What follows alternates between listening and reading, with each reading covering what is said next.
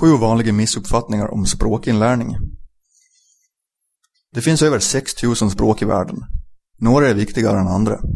Inte bättre eller mer avancerade, bara viktigare. Varför? Eftersom de talas av fler människor i fler länder. Det innebär inte att finska inte är viktigt för finnarna eller maori för maorierna. Det är bara så att de här språken inte är så viktiga för resten av oss. Å andra sidan talas mandarin av över en miljard människor. Ord av kinesiskt ursprung uppgår till 60% av det japanska, koreanska och vietnamesiska ordförrådet. Kunskaper i kinesiska kan hjälpa dig att lära dig de här språken också. Det har hjälpt mig. Kinesisk kultur har influerat världen i tusentals år med sin konst, filosofi, teknologi, mat, medicin och scenkonst. Idag växer Kinas ekonomi. Kinesiska verkar väl värt att lära sig. Spanske, franske, italienske och portugisiska är i grund och botten dialekter av samma språk. Om du lär dig ett kan du lära dig de andra. Det har jag gjort.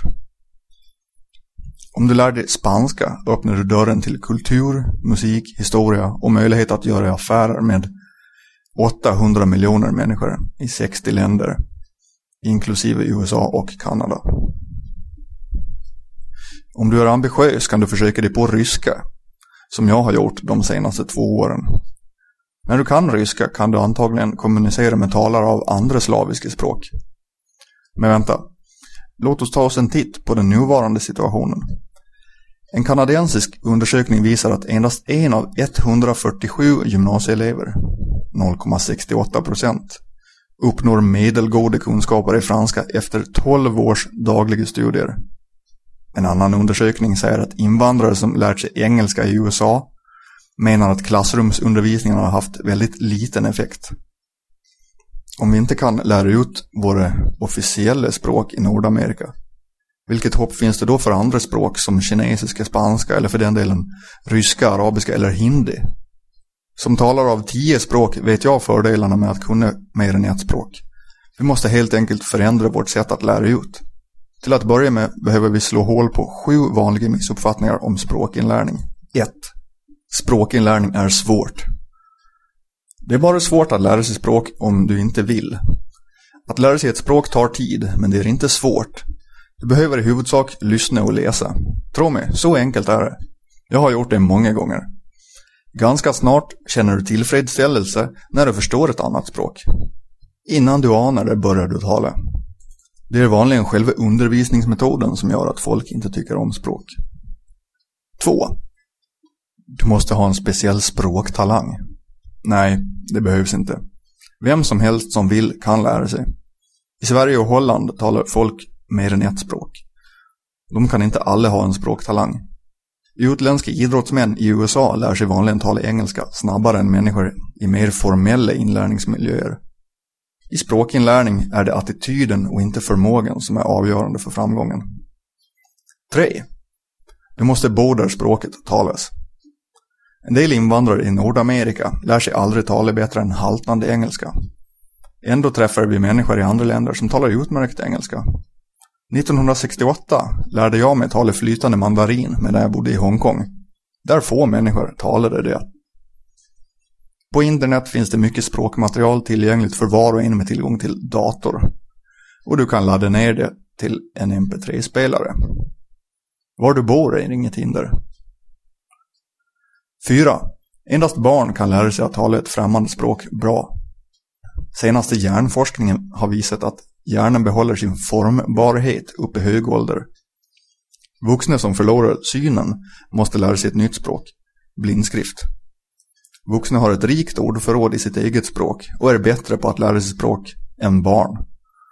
Jag har lärt mig fyra språk sedan jag fyllde 55. Vuxna behöver bara barnets nyfikenhet, experimentlust och önskan att kommunicera, utan att vara rädda för att göra bort sig. 5. För att lära sig språk behöver man formell klassrumsundervisning. Här har vi ett problem.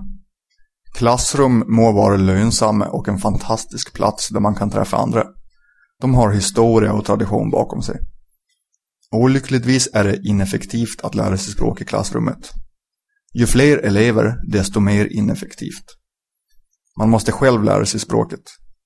Teoretiska grammatikförklaringar är knepiga att förstå, svåra att komma ihåg och ännu svårare att tillämpa. Övningar är irriterande. Majoriteten av ungdomarna går ut skolan oförmögna att kommunicera i språk som de har studerat i ett tiotal år. 6. Du måste tala för att lära dig och tänk om du inte har någon att tala med.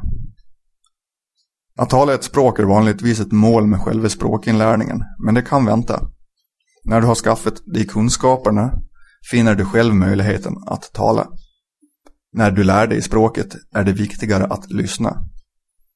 Att försöka snappa upp ett antal användbara fraser kommer sannolikt att försätta dig i värre situationer. Om du träffar en infödd kommer du oundvikligen att spendera den mesta tiden med att lyssna, såvida du inte redan kan språket. Du behöver inte tala för att lära dig. Du behöver lära dig för att tala. 7. Jag skulle vilja lära mig, men jag har inte tid. Vad sägs om den tid du står i kö, reser på väg till eller från arbetet, arbetar i trädgården, tar en promenad? Varför inte använda den tiden till att lyssna på ett språk i din mp3-spelare? Så snart du kommer igång kommer även 10 eller 15 minuter om dagen växa till 30 minuter eller en timme. Om du tror att du kommer att uppnå goda resultat och om du tycker om det, som jag gör, tar du dig tid. Ni har hört Steve Kaufmans Seven Common Misconceptions About Language Learning översatt och inläst av Jeff Lindqvist.